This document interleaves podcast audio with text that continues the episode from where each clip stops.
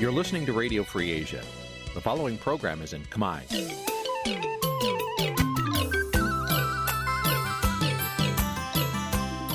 នេះជាកម្មវិធីផ្សាយ Vuthu Azizi Serai នេះជាកម្មវិធីផ្សាយរបស់ Vuthu Azizi Serai ជាភាសាខ្មែរ Vuthu Azizi Serai សូមស្វាគមន៍លោកអ្នកនាងទាំងអស់ពីរដ្ឋធានី Washington នៃសហរដ្ឋអាមេរិកបាទខ្ញុំបាទយ៉ងច័ន្ទដារា សូមជម្រាបសួរលោកអ្នកនាងអ្នកស្ដាប់ Vuthu Azizi Serai ទាំងអស់ជាទីមេត្រីខ្ញុំបាទសូមជូនកម្មវិធីផ្សាយសម្រាប់ព្រឹកថ្ងៃអាទិត្យ3រោចខែស្រាប ឆ្នាំថោះបัญចស័កពុទ្ធសករាជ2567ត្រូវនៅថ្ងៃទី3ខែកញ្ញាគ្រិស្តសករាជ2023បាទជាដំបូងនេះសូមអញ្ជើញអស់លោកអ្នកនាងស្ដាប់ព័ត៌មានប្រចាំថ្ងៃដែលមានមេត្តាដូចតទៅ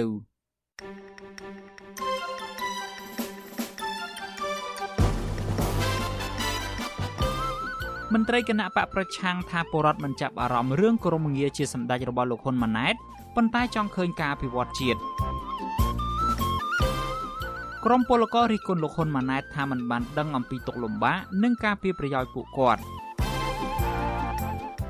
ពលករខ្មែរដែលគ្មានឯកសារគ្រប់គ្រាន់ថាអាញាធរថៃចាប់ពួកគាត់ចម្រិតទារប្រាក់ ប្រជាសហគមន៍រិះគន់មន្ត្រីបរិស្ថានថាបាក់ដៃឲ្យឈ្មួញចូលកាប់ឈើនៅក្នុងដែនជម្រកសត្វព្រៃភ្នំព្រិចរួមនឹងព័ត៌មានសំខាន់សំខាន់មួយចំនួនទៀត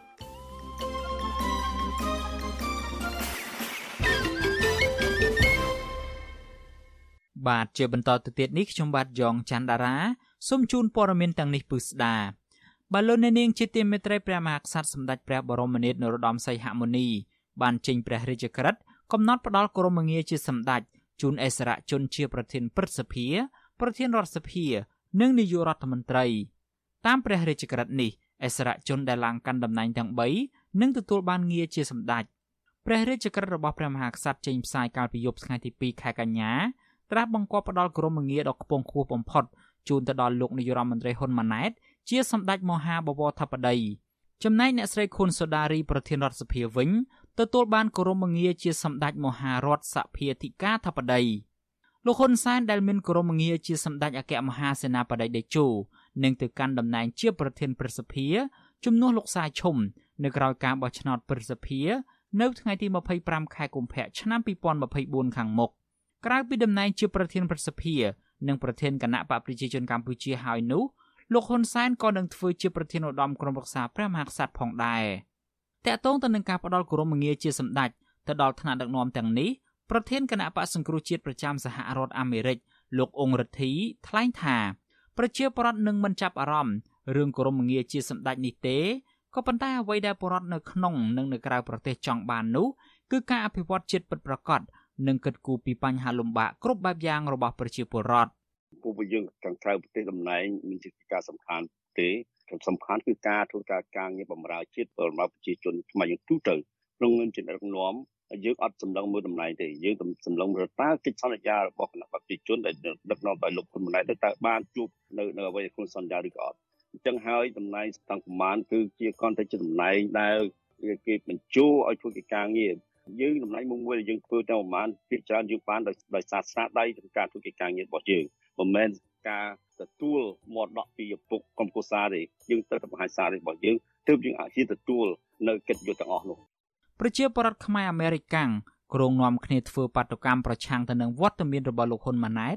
នៅបរិយាញូវយ៉កសហរដ្ឋអាមេរិកនៅថ្ងៃទី22ខែកញ្ញាខាងមុខដើម្បីប្រឆាំងការឡើងកាន់អំណាចតពូជជាប្រព័ន្ធនិងមិនទទួលស្គាល់លោកហ៊ុនម៉ាណែតជានាយករដ្ឋមន្ត្រីស្របច្បាប់នៃកម្ពុជានោះឡើយ បាឡូននាងជាទីមេត្រីតកតងទៅនឹងរឿងលោកហ៊ុនម៉ាណែតនេះដែរអ្នកវិភាគនិងមន្ត្រីគណៈបកប្រឆាំងលើកឡើងថាលោកហ៊ុនម៉ាណែតនឹងយកឱកាសកិច្ចប្រជុំកំពូលអាស៊ានលើកទី43នៅប្រទេសឥណ្ឌូនេស៊ីទៅជួបជាមួយមេដឹកនាំតាមបណ្ដាប្រទេសដែលមកចូលរួមដើម្បីស្វែងរកការគ្រប់គ្រងពីសហគមន៍អន្តរជាតិឲ្យទទួលស្គាល់រដ្ឋាភិបាលរបស់លោកជារដ្ឋាភិបាលស្របច្បាប់បាទយើងប្រកុលនីតិនេះជួនអ្នកស្រីម៉ៅសុធានីរាយការណ៍ជូនលោកអ្នកនាង ប្រធានាធិបតីឥណ្ឌូនេស៊ីលោកជូកូវីដូដូដែលជាប្រធានបដូវវេនអាស៊ាន បានអញ្ជើញលោកហ៊ុនម៉ាណែតចូលរួមក្នុងកិច្ចប្រជុំកំពូលអាស៊ានលើកទី43វេទិកាអាស៊ាន Indo-Pacific និងកិច្ចប្រជុំកំពូលពាក់ព័ន្ធនៅទីក្រុង Jakarta ចាប់ពីថ្ងៃទី5ដល់ថ្ងៃទី7ខែកញ្ញា លោកក៏បានអបអរសាទរលោកហ៊ុនម៉ាណែតជានាយករដ្ឋមន្ត្រីនិងបង្ហាញការបដិញ្ញាចិត្តក្នុងការពង្រឹងកិច្ចសហប្រតិបត្តិការរវាងប្រទេសទាំងពីរក្នុងវិស័យសេដ្ឋកិច្ចនៅក្នុងឱកាសបង្ហាញមុខជាលើកដំបូងបង្អស់លើឆាកអន្តរជាតិ របស់លោកហ៊ុនម៉ាណែតក្នុងជំនួបកម្ពុជាអាស៊ាននេះលោកហ៊ុនម៉ាណែតត្រូវបានលើកសរសើរពីមន្ត្រីហែហមថាលោកគឺជាមេដឹកនាំកម្ពុជាវ័យក្មេងជាងគេ ដែលមានសមត្ថភាពពេញលេញនិងឆន្ទៈមុតមមក្នុងការដំកើងមុខមាត់ជាតិជាដើមអតីតតំណាងរាជគណៈបកសង្គ្រោះជាតិលោកអ៊ុំសំអានយល់ឃើញថាលោកហ៊ុនម៉ាណែតនឹងប្រើប្រាស់ឱកាសជំនួបកម្ពុជាអាស៊ាន នៅប្រទេសឥណ្ឌូនេស៊ីនេះ ដើម្បីស្វែងរកការទទួលស្គាល់ពីប្រទេសដែលមកចូលរួម និងថតរូបជាមួយមេដឹកនាំតាមបណ្ដាប្រទេសយកមកបង្ហាញប្រជាពលរដ្ឋដោយទៅនឹងវិធីដែលលោកហ៊ុនសែនធ្លាប់ធ្វើកន្លងមក មេដឹកនាំដែលកើតចេញពីការបោះឆ្នោតคล้ายៗតែងតែអង្គុយលើចង្អេរលើខ្លួនឯងតែអញ្ចឹងឯងព្រោះគាត់ដឹងថាខ្លួនឯងហ្នឹងមិនត្រូវបានគេទទួលស្គាល់ជាមេដឹកនាំស្របច្បាប់ហើយគេអញ្ជើញទៅនោះក្នុងនាមការទូតតែប៉ុណ្ណោះឯងមិនមានមានន័យថាគេទទួលស្គាល់ថាជាមេដឹកនាំដែលកើតចេញពីការបោះឆ្នោតដោយប្រជាពលរដ្ឋខ្មែរការបោះឆ្នោតដោយសេរីនិងយុត្តិធម៌នៅកម្ពុជានោះទេ វត្ថុអសីស្រីមិនអាចតកតងប្រធានអង្គភិបអ្នកនាំពាក្យរដ្ឋាភិបាលលោកប៉ែនប៊ុនណា និងអ្នកនាំពាក្យគណៈបកប្រជាជនកម្ពុជា លោកសុកអេសាន ដើម្បីសុំការបកស្រាយជំវិញរឿងនេះបានទេនៅថ្ងៃទី2ខែកញ្ញាទោះយ៉ាងណាកាលពីកម្ពុជាក្រោមការដឹកនាំរបស់លោកហ៊ុនសែនដែលធ្វើជាប្រធានបដូវវេនអាស៊ាន បានបរាជ័យដែលមិនអាចដោះស្រាយវិបត្តិនៅប្រទេសភូមាឬមីយ៉ាន់ម៉ាបានឡើយជុំវិញរឿងនេះអ្នកវិភាគនយោបាយលោកកឹមសុខលើកឡើងថាលុត្រាតែលោកជូកូវីដូដូអញ្ជើញលោកហ៊ុនម៉ាណែតក្នុងជំនួបកិច្ចសហប្រតិបត្តិការទ្វេភាគីទើបអាចបញ្ជាក់បានថាឥណ្ឌូនេស៊ីទទួលស្គាល់រដ្ឋាភិបាលថ្មីរបស់កម្ពុជាខណៈជំនួបទៅថ្ងៃខាងមុខគេអញ្ជើញលោកហ៊ុនម៉ាណែតជាតំណាងឲ្យកម្ពុជាប៉ុណ្ណោះ យ៉ាងណាក៏ដោយលោកថាប៉ះសិនបើក្នុងជំនួបទ្វេភាគី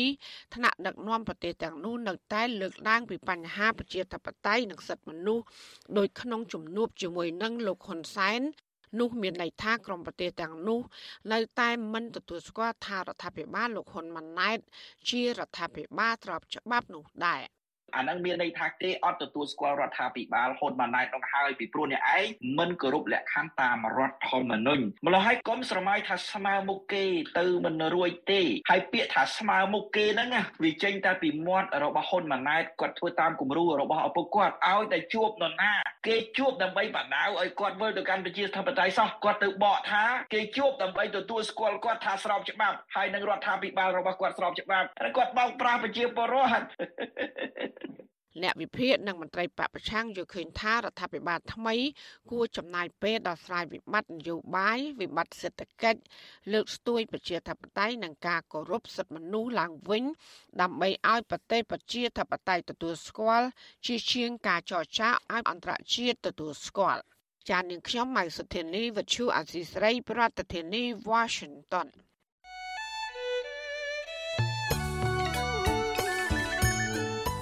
លោកអ្នកនាងជាទីមេត្រី វិទ្យុអាស៊ីសេរីចាប់ផ្ដើមដំណើរការផ្សាយផ្ទាល់កម្មវិធីព័ត៌មានទាំងពេលព្រឹកនិងពេលយប់ជាផ្លូវការនៅលើបណ្ដាញសង្គមថ្មីមួយទៀតគឺបណ្ដាញសង្គម Telegram ចាប់ពីខែមេសាឆ្នាំ2023នេះតទៅលោកអ្នកនាងអាចស្វែងរក Telegram ផ្លូវការរបស់វិទ្យុអាស៊ីសេរីដោយស្វែងរកពាក្យថាវិទ្យុអាស៊ីសេរីឬក៏ RFA ខ្មែរនៅលើទូរស័ព្ទដៃរបស់លោកអ្នកនាង។ បាទ Telegram ផ្លូវការរបស់ Vithu Azizi Serai មានសញ្ញា Tick ជាសញ្ញាសម្គាល់បាទក្រុមការងាររបស់ Vithu Azizi Serai នឹងព្យាយាមរិះរកមធ្យោបាយថ្មីថ្មីបន្ថែមទៀតដើម្បីផ្ដល់ភាពងាយស្រួលដល់លោកអ្នកនាងកញ្ញានៅក្នុងការស្ដាប់ និងទស្សនាការផ្សាយព័ត៌មានរបស់យើង បាទសូមអរគុណ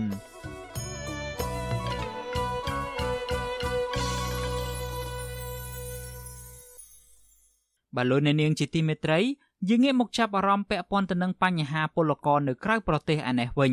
ក្រមពលករខ្មែរធ្វើការងារនៅប្រទេសមួយចំនួនរិះគន់លោកហ៊ុនម៉ាណែតថានិយាយរឿងមិនពិតតាក់ទងទៅនឹងស្ថានភាពការងាររបស់ពួកគាត់ដើម្បីបំភាន់ភ្នែកនឹងកេងចំណេញនយោបាយបាត់ប្រតិកម្មបែបនេះធ្វើឡើងក្រោយពីលោកហ៊ុនម៉ាណែតកាលពីថ្ងៃទី1ខែកញ្ញា បានថ្លែងថារដ្ឋាភិបាលផ្ដោតសំខាន់ទៅលើការបង្កើតការងារនិងតែងតែជួយអន្តរាគមន៍ដោះស្រាយទុក្ខលំបាករបស់ពលរដ្ឋ ធ្វើការងារនៅក្រៅប្រទេសដោយមិនទុកអ្នកណាម្នាក់ចោលនោះទេពលករខ្មែរធ្វើការនៅក្រៅប្រទេសមួយចំនួនឲ្យដឹងថាមន្ត្រីរដ្ឋាភិបាលកម្ពុជាមិនសូវយកចិត្តទុកដាក់គិតគូរពីសុខទុក្ខពលករដោយរដ្ឋាភិបាលប្រទេសផ្សេងទៀតនោះទេពួកគាត់បញ្ជាក់ថា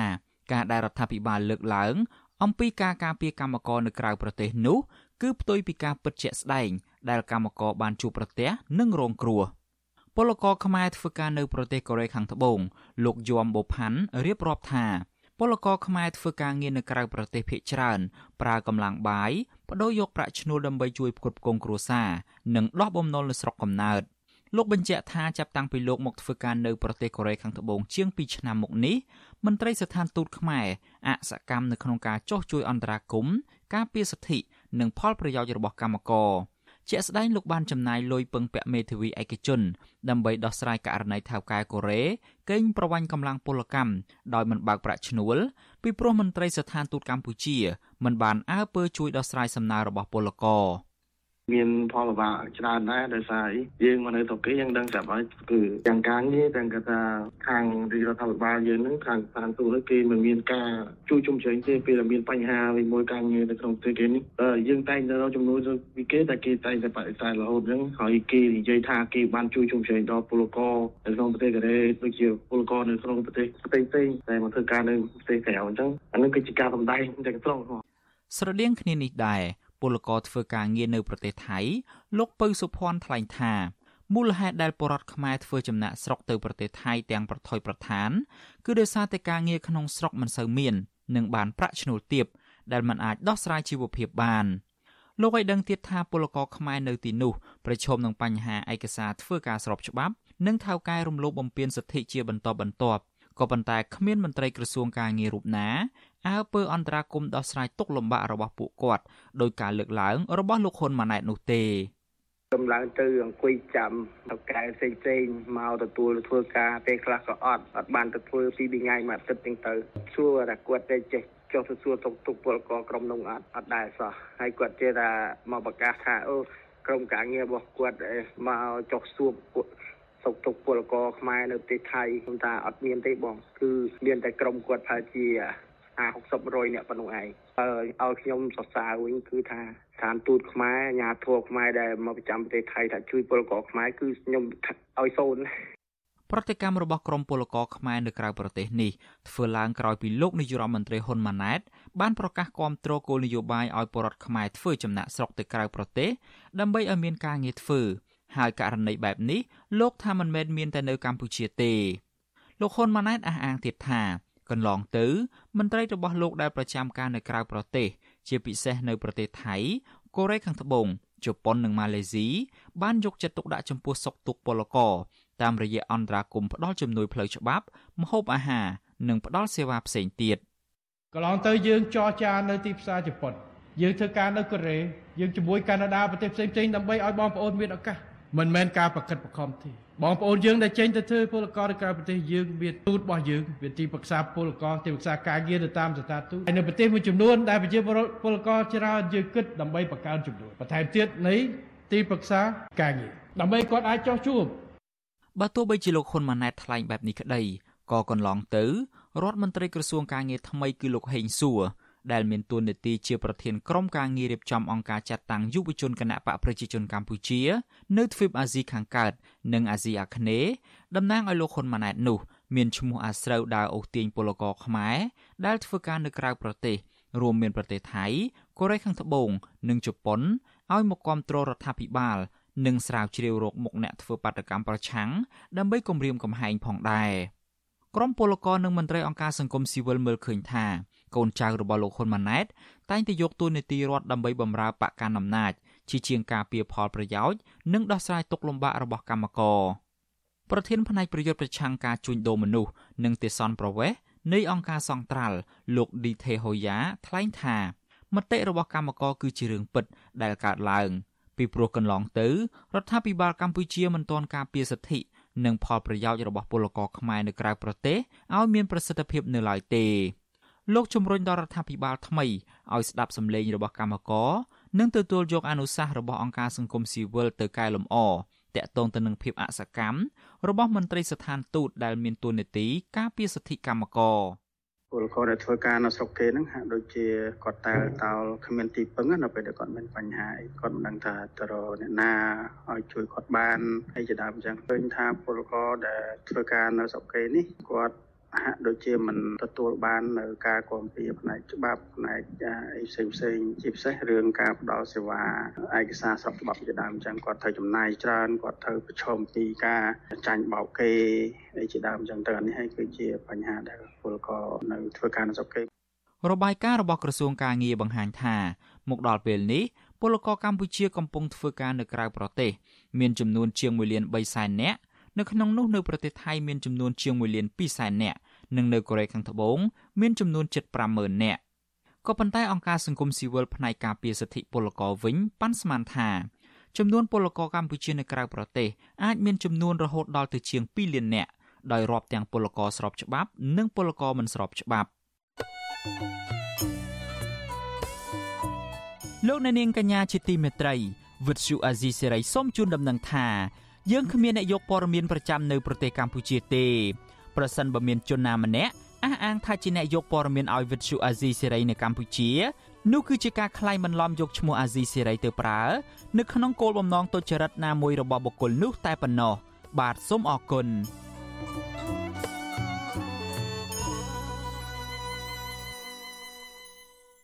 លោកអ្នកនាងកំពុងស្ដាប់ការផ្សាយរបស់ Vuthu Azizi Serai ពីរដ្ឋធានី Washington នៃសហរដ្ឋអាមេរិកពលករខ្មែរមួយចំនួនដែលកំពុងធ្វើការនៅប្រទេសថៃដែលគ្មានឯកសារការងារគ្រប់គ្រាន់ត្អូញត្អែថាពួកគាត់តែងតែប្រឈមបញ្ហាសមត្ថកិច្ចថៃចាប់ខ្លួនចម្រិតទារប្រាក់ជាថ្នូរទៅនឹងការមិនបញ្ជូនខ្លួនយកទៅដាក់ពន្ធនាគារមន្ត្រីសិទ្ធិមនុស្សធ្វើការងារផ្នែកការពារសិទ្ធិពលករសង្កេតឃើញថាបញ្ហានេះកើតមានច្រើននៅតំបន់ក្នុងខេត្តមួយចំនួនក្នុងប្រទេសថៃ ហើយជាពិសេសនៅតំបន់ដែលពលករខ្មែរធ្វើការងារគ្មានឯកសារគ្រប់គ្រាន់បាទលោកអ្នកនាងនឹងបានស្ដាប់ព័ត៌មាននេះពឹស្ដានៅពេលបន្តិចទៀតនេះ។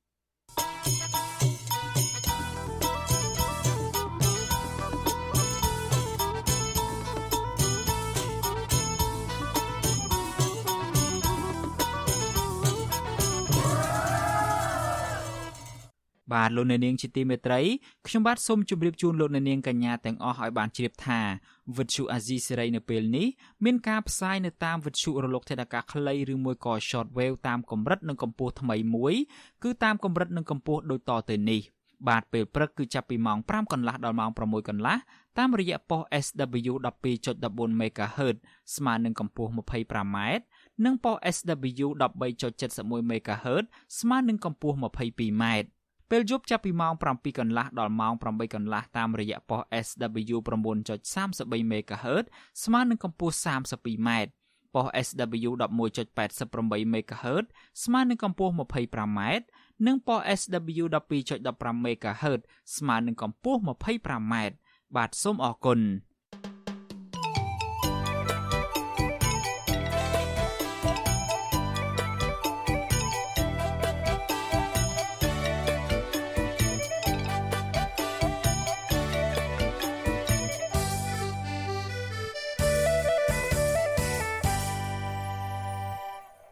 បាទលោកអ្នកនាងជាទីមេត្រីក្រុមកម្មករនិងពលករនៅក្រៅប្រទេសយល់ឃើញថាការតែងតាំងលោកហេងសួរជារដ្ឋមន្ត្រីថ្មីនៃក្រសួងកាងារអាចនឹងធ្វើឲ្យស្ថានភាពរំលោភសិទ្ធិកាងារនិងការគំរាមកំហែងពលករកាន់តែធ្ងន់ធ្ងរជាងមុនមន្ត្រីសង្គមស៊ីវិលស្នើរដ្ឋមន្ត្រីថ្មីរូបនេះដោះស្រាយបញ្ហាចាស់ចាស់ដែលនៅរ៉ាំរ៉ៃរួមមានចំនួនការងារ Nagawal បញ្ហាពលករចំណាក់ស្រុកបញ្ហាធ្វើលិខិតឆ្លងដែនឧបសគ្គបង្កើតសហជីពតាមរោងចក្រ និងការផ្ដល់ប្រាក់ឈ្នួលសមរម្យជាដើមបាទសូមលោកអ្នកនាងស្ដាប់សេចក្តីរាយការណ៍ពឹស្ដារបស់លោកជីវិតាអំពីរឿងនេះដូចតទៅបន្ទាប់ពីការតស៊ូយ៉ាងស្មោះស្ម័គ្រគាំទ្រនាយករដ្ឋមន្ត្រីលោកហ៊ុនម៉ាណែតនឹងដើរបញ្ចុះបញ្ចូលព្រមទាំងគម្រាមកំហែងពលករខ្មែរធ្វើការនៅក្រៅប្រទេសឲ្យងាកមកគាំទ្ររដ្ឋាភិបាលមកអតីតប្រធានខុទ្ទកាល័យនិងជាអ្នកនាំពាក្យក្រសួងកាងារលោកហេងសួរបានទទួលផលតបស្នងពីចៅហ្វាយនាយរបស់លោកហើយ នោះគឺតំណាយរដ្ឋមន្ត្រីក្រសួងកាងារនិងបណ្ដុះបណ្ដាលវិជ្ជាជីវៈជំនួសលោកអ៊ិតសំហេងកម្មករធ្វើការនៅរោងចក្រ Dean Han Enterprise នៅរាជធានីភ្នំពេញសូមមិនបញ្ចេញឈ្មោះឲ្យដឹងថាបើរំលឹកដល់ឈ្មោះលោកហេងសួរកម្មករភៀកច្រើនឈឺចាប់និងមិនភ្លេចនោះទេ នៅពេលលោកធ្វើជាប្រធានលេខាធិការដ្ឋានក្រមប្រឹក្សាជាតិប្រាក់ឈ្នួលអបបរមាដែលការនោះលោកហេងសួរបានលំអៀងទៅរកភៀកគីថៅកែរោងចក្រ ដែលធ្វើឲ្យកម្មករទទួលបានប្រាក់ខែគោលទាបបើសិនជាខ្ញុំបីតម្លៃឲ្យត្រូវទៅគឺបីឲ្យស្អំបីឲ្យស្អំហ្នឹងដូចហ្នឹងឯងគឺបីឲ្យស្អំចិត្តយកចិត្តអ្នកដែលគ្រប់គ្រងទៅទៀបអាប់ជាជាជាអ្នកដែលសន្ទោះបន្ទាប់ពីទទួលបានតំណែងជារដ្ឋមន្ត្រីក្រសួងកាងារលោកហេងសួរបានដើរជួបកម្មករនៅតាមរោងចក្ររហូតដល់ផ្ទះជួលដែលកម្មកររស់នៅក្នុងតំបន់រោងចក្រដំបូលខៀវផ្លូវវែងស្រេងដើម្បីស្វែងយល់ពីការរស់នៅរបស់កម្មករ ប្រធានសហភាពការងារកម្ពុជាលោកអាត់ធុនយល់ឃើញថារដ្ឋមន្ត្រីក្រសួងការងារអាណត្តិថ្មី គួរផ្ដោតលើបញ្ហាដែលកម្មករកំពុងប្រឈមខ្លាំងជាងគេ រួមមានការព្យួរការងារការកាត់បន្ថយម៉ោងធ្វើការ ការរំលោភសិទ្ធិការងារជាដើម លោកបញ្ជាក់ថា ដើម្បីដោះស្រាយបញ្ហាទាំងនេះក្រសួងការងារគួរដកមន្ត្រីអសមត្ថភាពរាយការណ៍មិនពិតដែលលាក់បាំងការរំលោភសិទ្ធិកម្មករជាដើម។ ព្រោះខ្ញុំអ្នករៀនច្បាប់ស្រាប់ហើយខ្ញុំក៏ឆ្លងកាត់បទពិសោធន៍នៅប្រទេសកុម្មុយនីសប្រទេសសេរីនិងប្រទេសអភិវឌ្ឍនិងមិនទាន់អភិវឌ្ឍគឺយើងការដោះស្រាយវិវាទហ្នឹងនៅខ្សោយមែនទែនចំពោះប្រព័ន្ធដោះស្រាយវិវាទរបស់យើងហ្នឹងរកយុត្តិធម៌ជូនកម្មករហ្នឹងអត់បានទេគឺនៅកម្រិតហ្នឹងទាបមែនទែនបើសូម្បីតែប្រទេសកុម្មុយនីសមួយចំនួនបើយើងប្រៀបធៀបប្រទេសជឿនលឿនទៀតគឺថាយើងនឹងវាឆ្ងាយមែនទែនប្រព័ន្ធដោះស្រាយវិវាទបច្ចុប្បន្នកាលពីអាណត្តិចាស់បើតាមមន្ត្រីសហជីព លោកហេងសួរតែងបង្ហាញចំហលំអៀងទៅរកក្រុមនាយទុនឬថៅកែក្រុមហ៊ុនជាក់ស្ដែង ក្នុងករណីវិវាទនៅក្រុមហ៊ុនបនលបៃ Naga World នៅពេលដែលកោតក្រនាំគ្នាចេញតវ៉ាកាលពីខែធ្នូឆ្នាំ2021បើទោះបីជាមានផុសតាងបញ្ជាក់ថាថៅកែរំលោភសិទ្ធិការងារបញ្ឈប់កម្មករនិងសហជីពដោយគ្មានហេតុផលត្រឹមត្រូវព្រមទាំងបង្ក្រាបលើកោតក្ររហូតដល់មានស្ត្រីម្នាក់រលូតកូនយ៉ាងណាក្តី ក៏លោកហេងសួរដែលជាមន្ត្រីអនុវត្តច្បាប់ នៅតែបន្តការពារក្រុមហ៊ុនបរទេសដែលបានរំលោភសិទ្ធិការងាររបស់កម្មករដដែល លោកហេងសួរបានបង្ហោះសារនៅលើ Facebook បែបបញ្ឆិតបញ្ឈៀងថានេះជាតាក់ទិចរបស់អ្នករៀបចំបដិវត្តពណ៌ដោយលោកចោទថាអ្នករៀបចំតែងតែបន់ស្រន់ឲ្យមានគ្រោះថ្នាក់លើស្ត្រីទាំងនោះដើម្បីបញ្ឆេះកំហឹងមហាជនប៉ុន្តែតាក់ទិចនេះតែងតែត្រូវបានអាជ្ញាធរចាត់ការលើមេខ្លោង និងជន់ដៃដល់ទាន់ពេលតំណាងគឧតកោ Nagawal លោកស្រីសុករតនាលើកឡើងថាលោកស្រីមានសង្ឃឹមតិចតួចណាស់ក្នុងការជឿជាក់ថារដ្ឋមន្ត្រីក្រសួងការងារថ្មីរូបនេះនឹងរកយុតិធធជូនគឧតកោនិងដោះលែងតំណាងសហជីពគឺកញ្ញាឈឹមស៊ីធឲ្យមានសេរីភាពឡើងវិញ។ យើងមើលជាក់ស្ដែងពួកខ្ញុំមានវិវាទការងារនេះតាំងពីនាយករដ្ឋមន្ត្រីចាស់រហូតដល់ផ្ទេរតំណែងឲ្យនាយករដ្ឋមន្ត្រីថ្មីហើយរហូតដល់ក្រសួងការងារចាស់រហូតដល់មន្ត្រីក្រសួងការងារថ្មីលោកហេងសួរគាត់ឡើងជំនួសវិញគឺយើងអត់ទាន់បានទទួលយុត្តិធម៌ទេអញ្ចឹងសង្ឃឹមថារឿងអយុត្តិធម៌របស់កម្មករគាត់នឹងដោះស្រាយឲ្យពួកខ្ញុំមានយុត្តិធម៌ចា៎លោកហេងសួរដែលមានតួនាទីជាប្រធានក្រុមការងាររៀបចំអង្គការចាត់តាំងយុវជនគណៈបកប្រជាជនកម្ពុជា នៅទ្វីបអាស៊ីខាងកើតនិងអាគ្នេយ៍ តំណាងឲ្យលោកហ៊ុនម៉ាណែតនោះក៏មានជំនាញដើរបញ្ចុះបញ្ចូលពលករខ្មែរដែលធ្វើការនៅក្រៅប្រទេសរួមមានប្រទេសកូរ៉េខាងត្បូង និងជប៉ុនឲ្យមកគ្រប់គ្រងរដ្ឋាភិបាលនិងស្រាវជ្រាវរកមុខអ្នកធ្វើបាតុកម្មប្រឆាំងដើម្បីគម្រាមកំហែងទៀតផង ការលើកឡើងនេះកើតមានក្រោយពីមានសម្លេងរយៈពេលជាង1នាទីត្រូវបានគេចែកចាយលើបណ្ដាញសង្គមកាលពីខែតុលាឆ្នាំ2018ដែលសារសម្លេងនោះគេជឿថាជាសម្លេងរបស់លោកហេងសួរ និយាយអំពីគម្រោងជួលក្រុមជើងកាង ដើម្បីវាយធ្វើបាបក្រុមពលករខ្មែរនៅក្រៅប្រទេស ដែលគ្រប់គ្រងគណៈបកប្រឆាំងពិនិត្យមើលហើយយើងនៅក្នុងមិនជាមានស្គាល់បដាខណៈអឺត្រូវចាប់ផ្ដើមធ្វើដូចនៅកូរ៉េយើងរកពួកជើងកាងមួយចំនួនមើលមុខសញ្ញាណាដែលចាំបាច់យកជើងកាងទៅវាយវាទៅហើយជើងកាងត្រឡប់មកវិញយើងចាំធ្វើម៉េចអាមួយនឹងវាបកាច់បកិននៅនោះចុះ ហើយបើអាជាងការនឹងគេមិនដែលចាប់ដាក់គុកនៅស្រុកគេទេអានឹងគេចាប់បន្តិចគេបលែងមកឲ្យជាប់គុកស្រុកយើងចាំមកដល់ស្រុកយើងចាប់យើងចាប់ពលករខ្មែរនៅប្រទេសជប៉ុន លោកស្រីមាសភីរ៉ាអះអាងថាក្រោយពេលកម្ពុជារៀបចំការបោះឆ្នោតកាលពីខែកក្កដាកន្លងទៅមន្ត្រីក្រសួងការងារដែលស្ថិតនៅក្រោមការបញ្ជារបស់លោកហេងសួរបានមកបង្ខំឲ្យពលករនិងនិស្សិតដែលមករៀននៅប្រទេសជប៉ុនថតវីដេអូ នឹងធ្វើញត្តិគាំទ្រលទ្ធផលបោះឆ្នោតនិងគាំទ្រលោកហ៊ុនម៉ាណែតជានាយករដ្ឋមន្ត្រីទាំងដែលពួកគេមិនពេញចិត្តនោះទេគាត់តាក់ទងមកខ្ញុំថាបងគេប្រកបជាមកឲ្យពួកកូនសិស្សធ្វើញាក់គ្រប់ត្រខ្ញុំធុញដល់ហើយអីមានរឿងអីឃើញតែឲ្យគ្រប់ត្រទោះបីយើងមិនចង់មិនចង់អីហ្នឹងក៏មានប្រធានក្រុមហ៊ុនដែលជនជាតិខ្មែរដាក់ប័ណ្ណបញ្ជាពីខាងខ្មែរមកតែម្ដងឲ្យចេញវីដេអូធ្វើសារគ្រប់ត្រអីផ្សេងផ្សេងហ្នឹងចា វិទ្យុអាស៊ីសេរីមិនអាចតាក់ទងរដ្ឋមន្ត្រីក្រសួងកាងារនិងបណ្ដុះបណ្ដាលវិជ្ជាជីវៈលោកហេងសួរដើម្បីសុំការឆ្លើយតបបញ្ហានេះបានទេ នៅថ្ងៃទី24សីហាសង្គមស៊ីវិលយល់ឃើញថារដ្ឋមន្ត្រីក្រសួងការងារថ្មីរូបនេះមានការងារជាច្រើនដែលត្រូវដោះស្រាយជាពិសេសគឺការរំដោះប្រទេសកម្ពុជាឲ្យចេញពីបញ្ជីខ្មៅដែលជាប់ឈ្មោះថាមានការរំលោភសិទ្ធិការងារនិងរំលោភសិទ្ធិមនុស្សធ្ងន់ធ្ងរ ប្រធានផ្នែកប្រឆាំងការជួញដូរមនុស្សនិងទេសនប្រវេសនៃអង្គការសង្ត្រាល់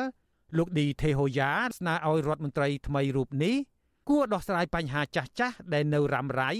ដូចជាបញ្ហាពលករចំណាក់ស្រុកបញ្ហាធ្វើលិខិតឆ្លងដែនបញ្ហាសុខុមាលភាពរបស់កម្មករឧបសគ្គបង្កើតសហជីពតាមរោងចក្រការទទួលបានប្រាក់ឈ្នួលសមរម្យ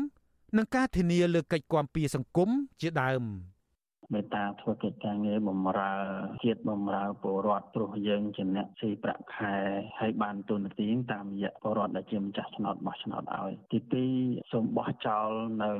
ការប្រកាន់និន្នាការគណៈបកយោបាយទី3ធ្វើយ៉ាងណាជំរុញឲ្យគោលនយោបាយដែលមានស្រាប់នឹងអនុវត្តឲ្យមានប្រសិទ្ធភាពពាក់ព័ន្ធនឹងការការពារសិទ្ធិពលករចំណាក់ស្រុកទាំងក្នុងប្រទេសទាំងក្រៅប្រទេសក្រុមកម្មករលើកឡើងថា ប្រសិនបើលោកហេងសួរពិតជាមន្ត្រីល្អម្នាក់លោកគួរតែដោះស្រាយបញ្ចប់វិវាទការងាររបស់កម្មករដែលនៅសេសសល់ប្រកបដោយភាពយុត្តិធម៌និងពង្រឹងការគោរពសិទ្ធិការងារនៅតាមរោងចក្រជាដើមពួកគាត់ស្នើឲ្យលោកហេងសួរក្នុងនាមជារដ្ឋមន្ត្រីក្រសួងការងារនិងជាមនុស្សចំណិតរបស់នាយករដ្ឋមន្ត្រីថ្មីគឺលោកហ៊ុនម៉ាណែតផងនោះបញ្ចុះបញ្ចូលលោកហ៊ុនម៉ាណែតឲ្យងាកមកស្ដារប្រជាធិបតេយ្យនិងការគោរពសិទ្ធិមនុស្សឡើងវិញ ដើម្បីស្នើសុំការអនុគ្រោះពន្ធពីសហគមន៍អឺរ៉ុបនិងសហរដ្ឋអាមេរិកមកវិញឬយ៉ាងហោចណាស់មិនអោយប្រទេសទាំងនោះកាត់ប្រព័ន្ធអនុគ្រោះពន្ធបន្ថែមទៀតដើម្បីប្រយោជន៍រួមនៃប្រជាជាតិកម្ពុជាខ្ញុំជីវិតាអាស៊ីសេរីលោកអ្នកនាងកញ្ញាជាទីមេត្រីវិទ្យុអាស៊ីសេរីសូមជូនដំណឹងថាយើងគ្មានអ្នកយកព័ត៌មានប្រចាំនៅប្រទេសកម្ពុជាទេប្រសិនបើមានជនណាម្នាក់ អះអាងថាជាអ្នកយកព័ត៌មានឲ្យវិទ្យុអាស៊ីសេរីនៅកម្ពុជានោះគឺជាការក្លែងបន្លំយកឈ្មោះអាស៊ីសេរីទៅប្រើនៅក្នុងគោលបំណងទុច្ចរិតណាមួយរបស់បុគ្គលនោះតែប៉ុណ្ណោះបាទសូមអរគុណ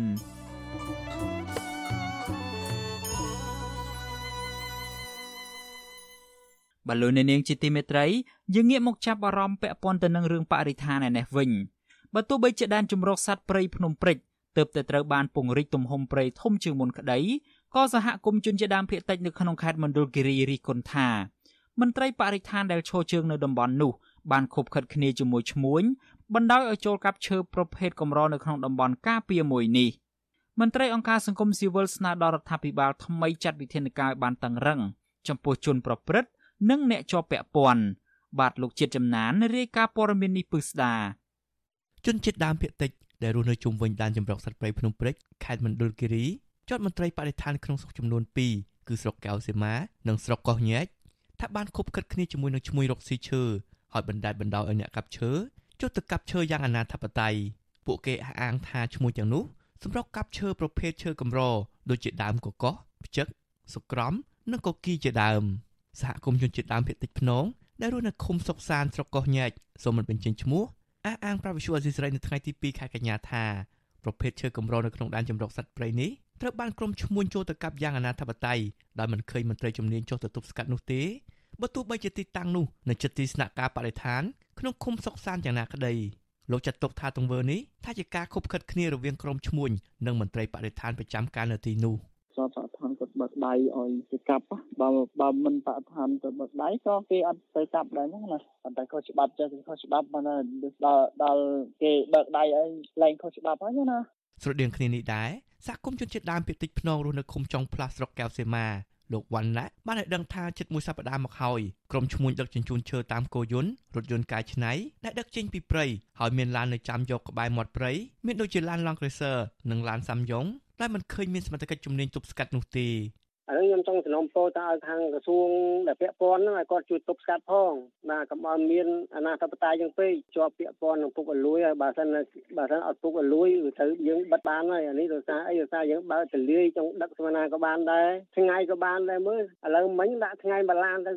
សហគមន៍ជាដើមភេតិចភ្នងស្នើទៅរដ្ឋាភិបាលថ្មីដាក់ប័ណ្ណបញ្ជាឲ្យមន្ត្រីថ្នាក់ក្រោមជាតិចុះសិក្សាស្រាវជ្រាវរកជនល្មើសនិងអ្នកជាប់ពាក់ព័ន្ធ ដើម្បីចាត់វិធានការទៅតាមច្បាប់ពួកគេថាសហគមន៍នៅជុំវិញតំបន់ព្រៃការពារមួយនេះតែងតែពឹងផ្អែកអនុផលព្រៃឈើក្នុងដែនជម្រកសត្វព្រៃមួយនេះដើម្បីផ្គត់ផ្គង់ជីវភាពគ្រួសារវិសុអសីសេរីមិនអាចតាក់ទងប្រធានមន្ត្រីបដិឋានខេត្តលោកឆៅប៊ុនធឿនបាននោះទេដោយចុចទូរស័ព្ទបិទនៅពេលដែលឮថាជាអ្នកសារព័ត៌មានវិសុអសីសេរីកាលពីឆ្នាំ2018ព្រៃអភិរក្សមួយនេះទទួលរងការកាប់យកឈើមានតម្លៃយ៉ាងអនាធបត័យដែរក្រុមអ្នកមានងារជាអុកញ៉ាជាច្រើនរូបបានបង្កើតដេប៉ូអាឈើនៅក្នុងតំបន់នោះ និងរោងចក្រអាឈើមូលធំធំដឹកយកទៅលក់នៅប្រទេសវៀតណាមដោយឆ្លងកាត់ភូមិសាស្ត្រសុកស្នូខេត្តកោះចេះជុំវិញរឿងនេះមន្ត្រីសម្របសម្រួលសមាគមអាត60ប្រចាំខេត្តមណ្ឌលគិរីលោកប៊ីវ៉ានីសង្កេតឃើញថាបាត់ល្មើសព្រៃឈើនៅខេត្តមណ្ឌលគិរីកំពុងកក្រើកឡើងវិញទាំងព្រៃសហគមន៍ការពារនិងដែនជម្រកសត្វព្រៃដែលស្ថិតក្រោមការគ្រប់គ្រងរបស់មន្ត្រីបរិស្ថានក្តីលោកថារដ្ឋាភិបាលថ្មីគួរបង្ហាញចន្ទៈរបស់ខ្លួនក្នុងការទប់ស្កាត់បទល្មើសព្រៃឈើ និងស្វែងរកអ្នកពាក់ព័ន្ធយកមកអនុវត្តច្បាប់ឲ្យបានតឹងរឹងបំផុតដើម្បីឲ្យជនល្មើសទាំងនោះរៀងចានៅថ្ងៃខាងមុខអញ្ចឹងមានតែធ្វើការអនុវត្តច្បាប់ឬក៏អ្នកពាក់ព័ន្ធត្រូវតែចូលរួមទាំងអស់គ្នាហើយបើសិនជាអ្នកពាក់ព័ន្ធនឹងប្រព្រឹត្តបទល្មើសត្រូវតែដកចេញឬក៏ត្រូវតែអនុវត្តច្បាប់តាមផ្លូវតុលាការទេហើយធ្វើឲ្យការពីធនធានធម្មជាតិបានសិនបើយើងបដិបដោយឲ្យមន្ត្រីបច្ចុប្បន្នដែលមិនបានចូលលើគោលការណ៍ច្បាប់បែបនេះនឹងប្រៃឈើនឹងត្រូវវិនិច្ឆ័យហៅសិនជាយើងមិនបានយកគោលការណ៍ច្បាប់មកអនុវត្តទៅលើជនល្មើសដែលប្រព្រឹត្តបទល្មើសប្រៃឈើបែបនេះ ដែនជម្រកសត្វព្រៃភ្នំព្រិចស្ថិតនៅក្នុងស្រុកកោះញែកស្រុកកែវសីមាក្នុងខេត្តមណ្ឌលគិរីនិងស្រុកស្នួលខេត្តកោះចេះត្រូវបានអតីតព្រះមហាក្សត្រសម្ដេចនរោត្តមសីហនុកំណត់ជាតំបន់អភិរក្សតាមព្រះរាជក្រឹត្យកាលពីខែវិច្ឆិកាឆ្នាំ1993ដែលមានផ្ទៃដីជាង220,000ហិកតារហូតដល់ថ្ងៃទី17ខែកក្កដាឆ្នាំ2023រដ្ឋាភិបាលបានបញ្ចូលផ្ទៃដីជាង40,000ហិកតាបន្ថែមទៀតប៉ុន្តែផ្ទុយទៅវិញព្រៃអភិរក្សមួយនេះតែងតែរងការកាប់យកឈើមានតម្លៃឥតឈប់ឈរ ខ្ញុំបាទជាតិចំណាន Visual Assisray ពីរដ្ឋធានី Washington លោកអ្នកនាងជាទីមេត្រីវិទ្យុអាស៊ីសេរីនឹងចេញផ្សាយ podcast កម្ពុជាសប្តាហ៍នេះ នៅរៀងរាល់ព្រឹកថ្ងៃសៅរ៍ម៉ោងនៅកម្ពុជា នៃសប្តាហ៍នីមួយៗបាទកម្មវិធី podcast នេះរៀបចំដោយនាយកនិងនាយករងនៃកម្មវិធីផ្សាយវិទ្យុអាស៊ីសេរីជាភាសាខ្មែរគឺលោកសំពូលីនិងលោកជុនច័ន្ទបតសូមប្រិយមិត្តស្វែងរក និងស្ដាប់ podcast របស់យើង នៅលើកម្មវិធី podcast របស់ Apple, Google និង Spotify ដោយគ្រាន់តែសរសេរពាក្យថាកម្ពុជាសប្តាហ៍នេះឬ Cambodia This Week នៅក្នុងប្រអប់ស្វែងរកយើងក៏នឹងចាក់ផ្សាយកម្មវិធី podcast នេះឡើងវិញនៅក្នុងកម្មវិធីផ្សាយផ្ទាល់របស់យើង តាមបណ្ដាញសង្គម Facebook, YouTube និង Telegram នៅរៀងរាល់យប់ថ្ងៃច័ន្ទម៉ោងនៅកម្ពុជា បាទសូមអរគុណ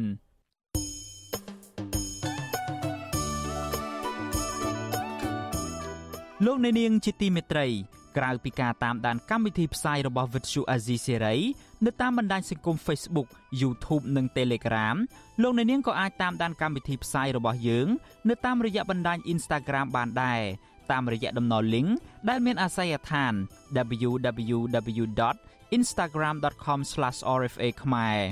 អាស៊ីសេរីបន្តខិតខំផ្សព្វផ្សាយព័ត៌មានពិតទៅកាន់បងប្អូនតាមរយៈបណ្ដាញសង្គមផ្សេងៗនិងសម្បូរបែបដើម្បីឲ្យលោកអ្នកនាងងាយស្រួលតាមដានកម្មវិធីផ្សាយរបស់អាស៊ីសេរីគ្រប់ពេលវេលា និងគ្រប់ទីកន្លែង តាមរយៈទូរស័ព្ទរបស់លោកអ្នកនាង បាទសូមអរគុណ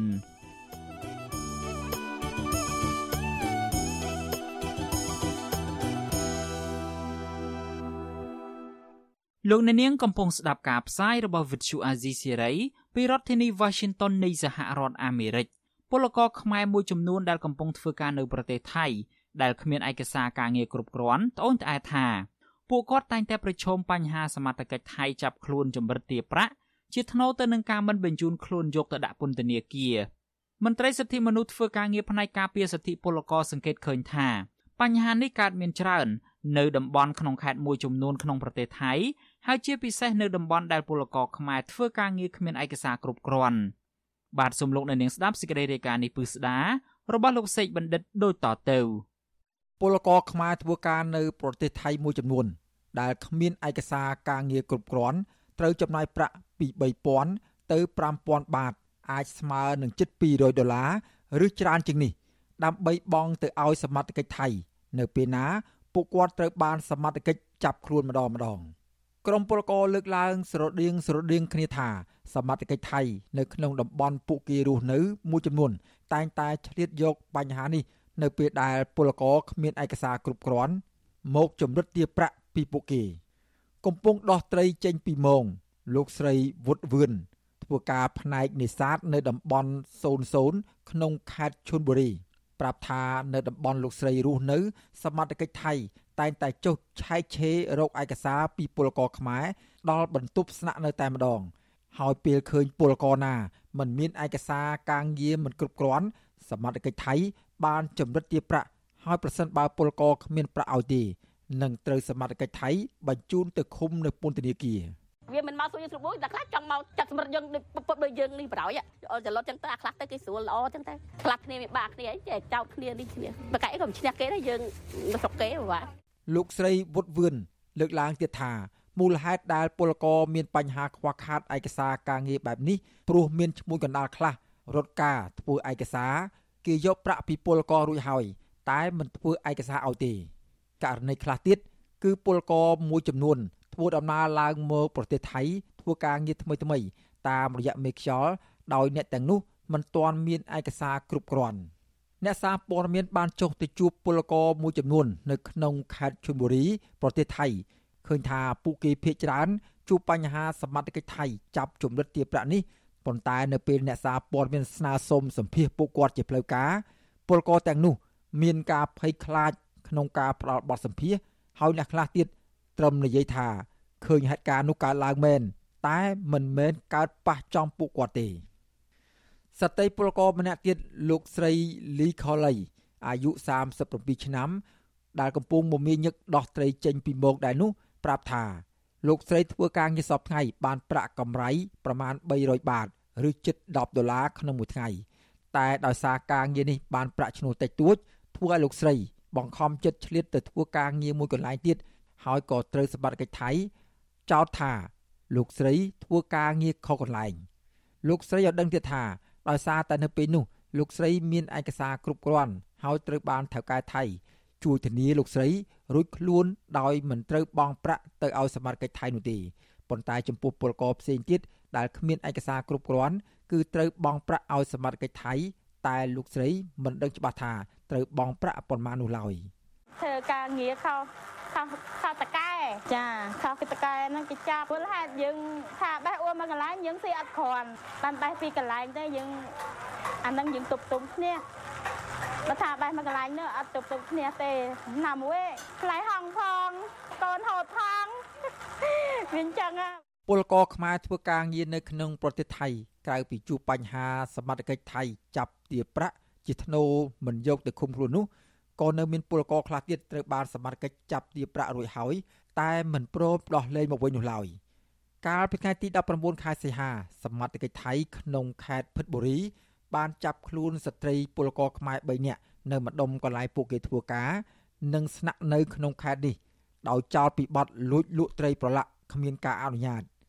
សមត្ថកិច្ចថៃទាមទារឲ្យស្ត្រីពលករទាំង3នាក់នោះបង់ប្រាក់ម្នាក់ម្នាក់10000បាត ជាធ្នូនៃការដោះលែងនៅក្រៅឃុំ តែពេលស្ត្រីទាំងនោះផ្ដល់ប្រាក់រួចហើយសមត្ថកិច្ចថៃបែរជាបណ្ដោះលែងថែមទាំងបញ្ជូនពួកគេទាំង3នាក់ទៅតុលាការថែមទៀតលោកស្រីវ៉ុនសៀជាដាអាយុ35ឆ្នាំ ជាពលករម្នាក់ក្នុងចំណោមពលករទាំង3នាក់ដែលសមត្ថកិច្ចថៃចាប់ខ្លួន បានឲ្យដឹងថាលោកស្រីមកប្រទេសថៃធ្វើការនៅរោងចក្រមួយកន្លែងស្ថិតនៅក្នុងខេត្តភិតបុរី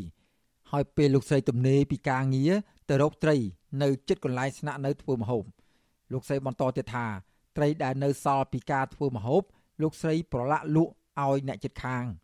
ហើយនៅទីបំផុតសមត្ថកិច្ចបានចាប់ខ្លួនលោកស្រី និងស្ត្រីពលករ2នាក់ផ្សេងទៀតក្នុងករណីលក់ត្រីប្រឡាក់នេះលោកស្រីសោកស្ដាយដែលសមត្ថកិច្ចថៃយកប្រាក់ពីលោកស្រី និងស្ត្រីពលករខ្មែរ2នាក់ផ្សេងទៀតរួចហើយតែមិនដោះលែងតាមការសន្យានោះទេ គេថាបើអត់មានលុយគេធ្វើតាមច្បាប់ព្រួយច្បាប់ប្រទេសថៃគេមានយើងមកធ្វើការយើងមកដៅមុខរបររបស់គេអញ្ចឹងលុយហ្នឹងបង់ឲ្យហើយបង់ឲ្យសាលាការអស់10000គេពិន័យយើងអស់10000ហើយអត់បានចេញមានតកតងករណីស្ត្រីលក់ត្រីងៀតទាំង3នាក់នេះសមត្ថកិច្ចមិនទាន់ដោះលែងពួកគាត់មកវិញនៅឡើយទេនិងកំពុងឃុំខ្លួននៅពន្ធនាគារប្រទេសថៃជុំវិញបញ្ហារបស់ពលករនៅក្នុងប្រទេសថៃនេះដែរ វិទ្យុអស៊ីសេរីនៅពុំទាន់អាចសុំការឆ្លើយតបពីប្រធានអនុព័ន្ធការងារនៃស្ថានទូតកម្ពុជាប្រចាំនៅប្រទេសថៃ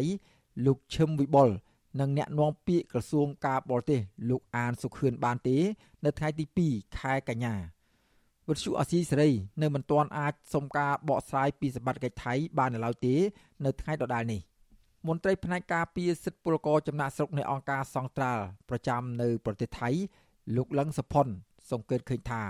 ករណីបែបនេះបានកើតឡើងច្រើនទៅលើពលករណាដែលគ្មានឯកសារគ្រប់គ្រាន់ហើយពលករខ្លះមានឯកសារតែឯកសារនៅក្នុងដៃថៅកែលោកបន្តទៀតថា នៅរយៈពេលចុងក្រោយនេះបញ្ហានេះបានកើតឡើងជាញឹកញាប់នៅក្នុងខេត្តមួយចំនួន ដូចជាខេត្តសមុទ្រប្រការខេត្តឈុនបុរី និងខេត្តភិតបុរីជាដើមអ្នកការពារសិទ្ធិពលកររូបនេះយល់ថាមន្ត្រីស្ថានទូតខ្មែរប្រចាំប្រទេសថៃ គួរជជែកជាមួយនឹងសមត្ថកិច្ចថៃដើម្បីឲ្យសមត្ថកិច្ចថៃមានការយោគយល់ចំពោះពលករដែលមានឯកសារតែឯកសារនោះរសារទុកនៅជាមួយថៅកែ គួរណាតែមានការយោគយល់គួរណាតែមានអីអីចឹងណាព្រោះពលករភាគច្រើននៅគាត់ដែលមិនទាន់មានឯកសារគ្រប់គ្រាន់ពេលដែលគាត់ទៅផ្សារទៅទិញម្ហូបទិញអីចឹងហើយចាប់ពួកគាត់ចឹងដែរហើយក៏គាត់មិនយកមិនថាមិនទាន់បានឯកសារគ្រប់គ្រាន់ចឹងហើយគាត់បង្ហាញនៅវិក័យប័ត្របង្ហាញនៅអីចឹងទៅហើយមានការផាកពិន័យអីវាវាមិនគួរធ្វើបែបហ្នឹងទេវាក្រសួងការងារឲ្យដឹងថា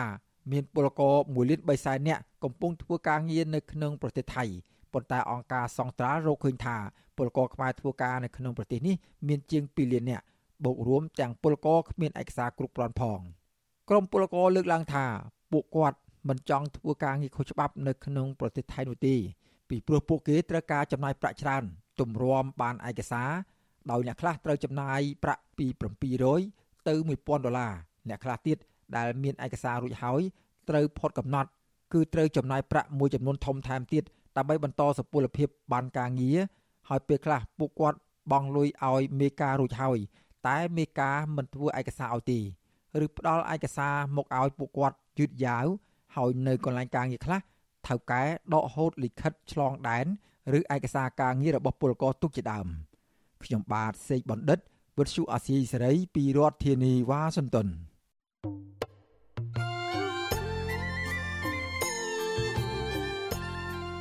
លោកអ្នកនាងជាទីមេត្រីនៅក្នុងឱកាសនេះដែរខ្ញុំបាទសូមថ្លែងអំណរគុណដល់លោកអ្នកនាងកញ្ញាទាំងអស់ដែលតែងតែមានភក្ដីភាពចំពោះការផ្សាយរបស់យើងហើយចាត់ទុកការស្ដាប់វិទ្យុអាស៊ីសេរី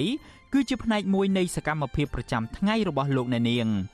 គឺការគ្រប់គ្រងរបស់លោកអ្នកនាងនេះហើយដែលធ្វើឲ្យយើងខ្ញុំមានទឹកចិត្តកាន់តែខ្លាំងក្លាថែមទៀតនៅក្នុងការស្វែងរកនិងផ្តល់ព័ត៌មានជូនលោកអ្នកនាង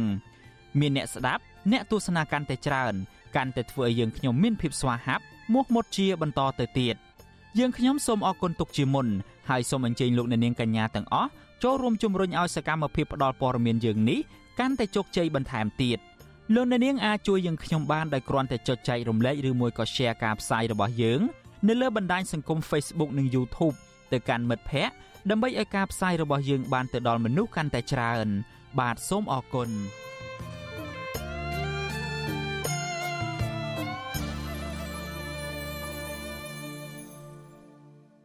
លោកអ្នកនាងកំពុងស្ដាប់ការផ្សាយរបស់ Vuthu Azizi Serai ពីរដ្ឋធានី Washington នៃសហរដ្ឋអាមេរិកក្រសួងពាណិជ្ជកម្មដែលធ្លាប់ស្ថិតនៅក្រោមការគ្រប់គ្រងរបស់លោកចំប្រសិទ្ធអស់រយៈពេល4អាណត្តិដែលល្បីរឿងអាស្រូវគ្រួសារនិយមនិងពុករលួយនោះ នៅពេលនេះកូនស្រីដែលជាដំណក់ឈាមរបស់លោក បានឡើងជារដ្ឋមន្ត្រីក្រសួងខ្លាញ់មួយនេះវិញម្ដង កូនស្រីរបស់លោក គឺអ្នកស្រីចោមនិមលបានជាប់ប្រឡាក់ឈ្មោះមិនល្អជាច្រើនទសវត្សរ៍មកហើយពីរឿងអាងអំណាចឪពុក និងជួយលាក់បាំងអាណាចក្រជំនួញរបស់ក្រុមគ្រួសារតើអ្នកស្រីជាប់និមលដែលជារដ្ឋមន្ត្រីថ្មីនៃក្រសួងពាណិជ្ជកម្មនឹងជួយបង្កើនមុខរបរទីផ្សារនិងប្រាក់ចំណូលសម្រាប់ប្រជាពលរដ្ឋឬក៏ជួយបង្កើនតែឱកាសរកស៊ីនិងបង្កើនប្រាក់ចំណូលសម្រាប់ក្រុមគ្រួសារនិងបពពួករបស់ខ្លួននោះ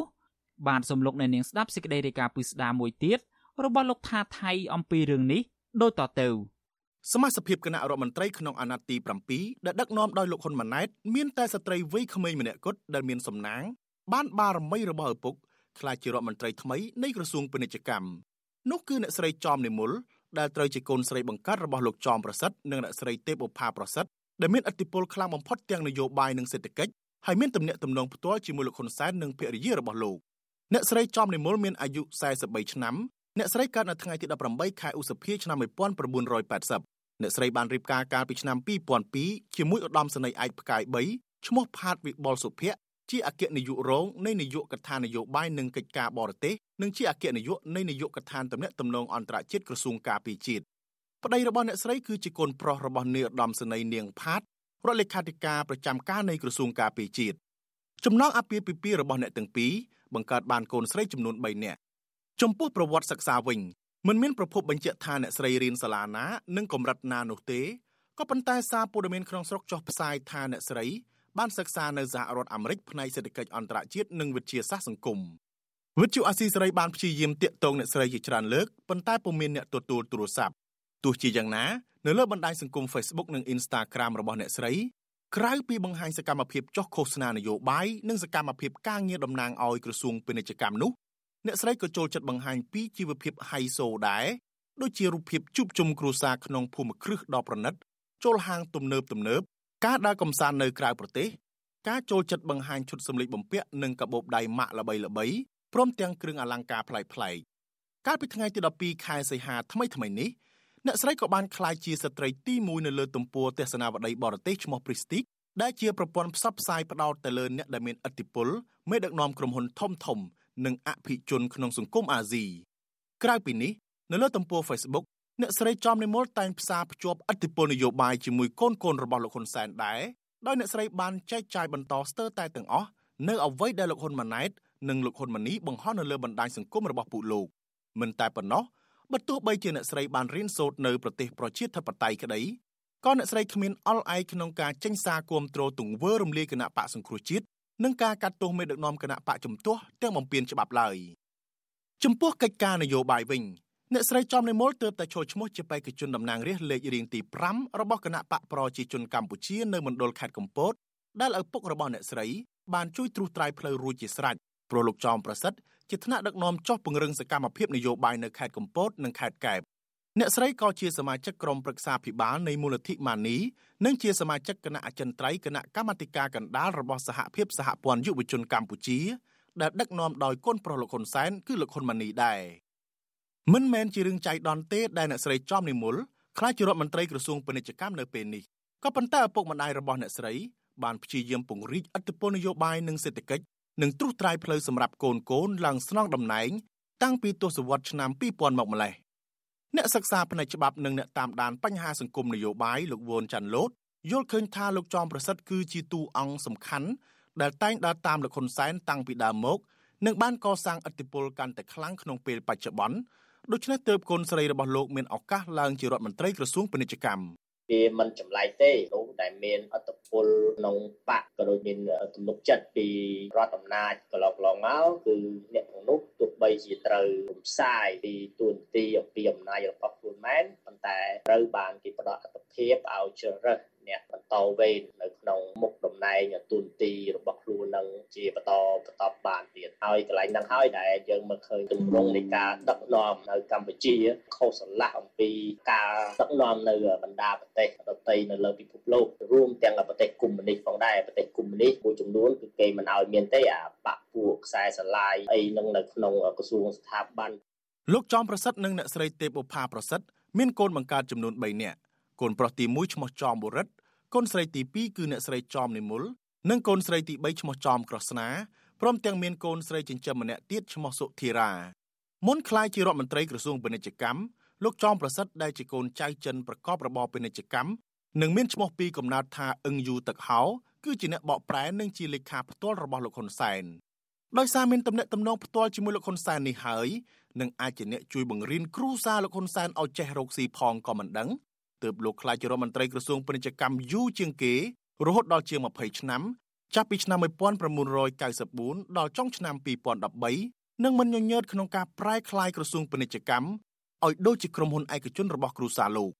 ជាក់ស្ដែងនៅពេលនោះប្រពន្ធរបស់លោកគឺអ្នកស្រីទេពឧផាប្រសិទ្ធគឺជានាយករដ្ឋបាលក្រសួងពាណិជ្ជកម្មគណៈកូនប្រុសច្បងគឺលោកចំបុរិទ្ធជាអគ្គនាយករងកម្មគ្រប់គ្រងនៃក្រសួងពាណិជ្ជកម្មដែលចោះត្រួតពិនិត្យទំនិញនាំចូលនិងនាំចេញ រីឯកូនស្រីទី2អ្នកស្រីចំនិមលកាលពីទសវត្សរ៍ឆ្នាំ2000ជាអនុប្រធាននាយកដ្ឋានបរទេសនៃក្រសួងពាណិជ្ជកម្មនិងក្រោយមកក្លាយជាប្រធានគណៈការឡៃរបស់ឪពុកនាងក្នុងក្រសួងពាណិជ្ជកម្មក្រៅពីនេះលោកចောင်းប្រសិទ្ធក៏មិនភ្លេចបើកផ្លូវឲ្យប្រពន្ធនិងកូនកូនរបស់លោកផ្សេងទៀតជាអ្នកឈរឈ្មោះរកស៊ីជំនួសវិញដែរប្រពន្ធរបស់លោកត្រូវបានគេស្គាល់ថាជាអ្នកជំនួញនៅពីក្រោយក្រុមហ៊ុននិងគម្រោងវិនិយោគធំធំមួយចំនួនកាលពីឆ្នាំ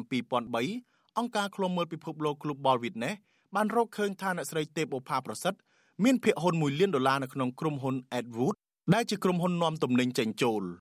តំណាងរាជបកប្រឆាំងការនោះក៏បានទាមទារឲ្យមានការស៊ើបអង្កេតទ្រព្យសម្បត្តិរបស់លោកចောင်းប្រសិទ្ធដែរប៉ុន្តែគ្មានស្ថាប័នជំនាញណាហ៊ានប៉ះឡើយមិនតែប៉ុណ្ណោះប្រហែលជាទ្រព្យសម្បត្តិគ្រួសារលោកចောင်းប្រសិទ្ធឡើងដល់កម្រិតកំពូលមួយទើបលោកនិងប្រពន្ធរបស់លោកទទួលបានក្រមងារជាអុកញ៉ាដូចគ្នាកាន់តែពិសេសជាងនេះ លោកចောင်းប្រសិទ្ធមិនត្រឹមតែប្រមូលកូនកូនរបស់លោកមួយចំនួនឲ្យមកកាន់ទូនាទីសំខាន់សំខាន់នៅក្នុងក្រសួងពាណិជ្ជកម្មប៉ុណ្ណោះទេ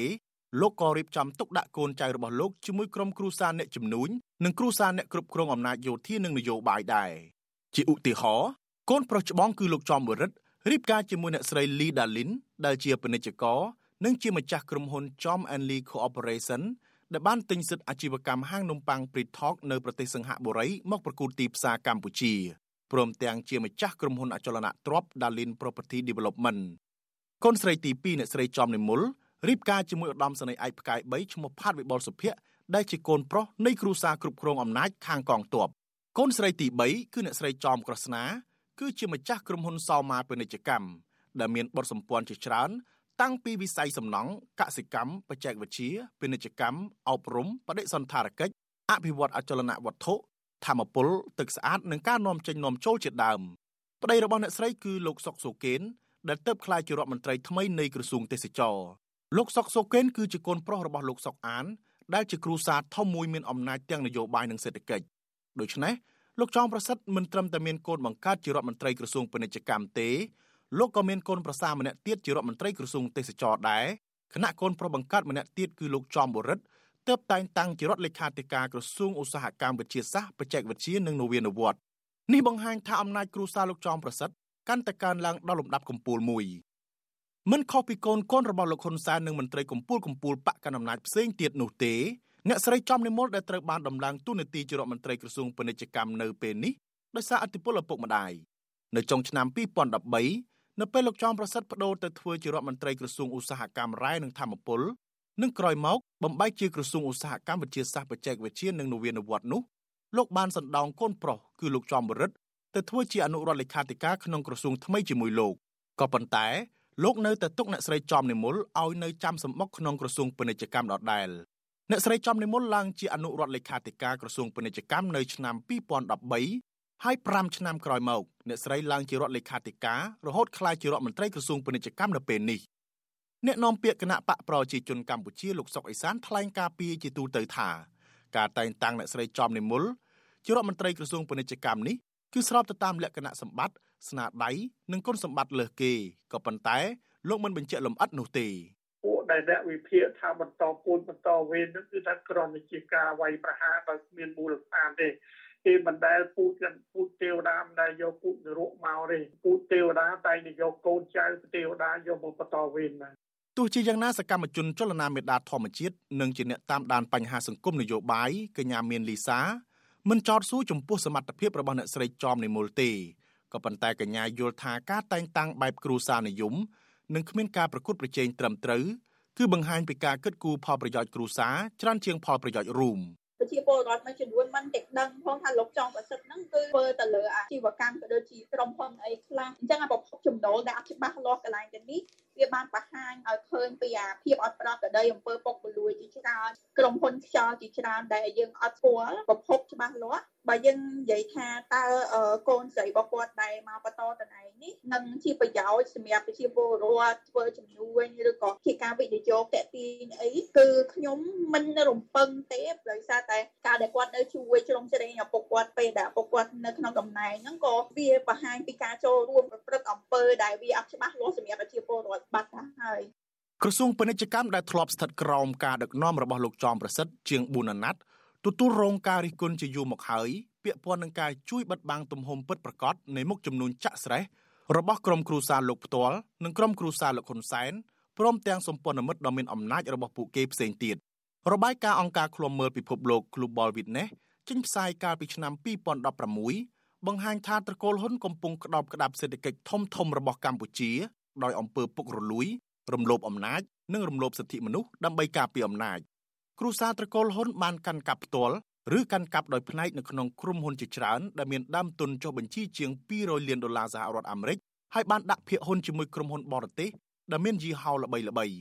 ចំនួនទឹកប្រាក់ជាង200លានដុល្លារនេះជាចំនួនទឹកប្រាក់ដែលដាក់ចេញឲ្យឃើញក្នុងក្រុមហ៊ុនរបស់ត្រកូលហ៊ុនដែលបានចុះបញ្ជីក្នុងក្រសួងពាណិជ្ជកម្មក៏ប៉ុន្តែអង្គការ Global Witness អះអាងថាពួកគេមានភាគហ៊ុនច្រើនជាងនេះប៉ុន្តែលាក់បាំងព័ត៌មានអង្គការ Global Witness ក៏បានចេញផ្សាយរបាយការណ៍រកឃើញពីទំនាក់ទំនងវិនិយោគរួមគ្នារវាងប្តីប្រពន្ធលោកចោមប្រសិទ្ធជាមួយនឹងមហាសេដ្ឋីលំដាប់កំពូលកំពូលជាច្រើនទៀតដែរប៉ុន្តែសុទ្ធតែបិទបាំងព័ត៌មានដូចគ្នា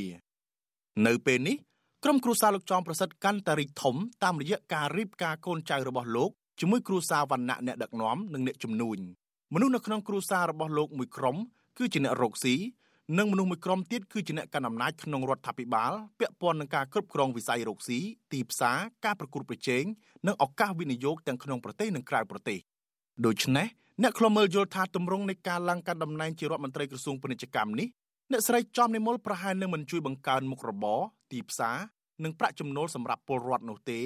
ក៏ប៉ុន្តែអ្នកស្រីនឹងប្រើទូនាទីដើម្បីជួយបង្កើនឱកាសរកស៊ីនិងបង្កើនប្រាក់ចំណូលសម្រាប់ក្រុមគ្រួសារនិងបពពួករបស់ខ្លួនថែមទៀត ដើម្បីបន្តក្តោបក្តាប់អំណាចនយោបាយនិងសេដ្ឋកិច្ចកាន់តែរឹងមាំថែមទៀតខ្ញុំថាថៃពីទីក្រុងមែលប៊ន thank you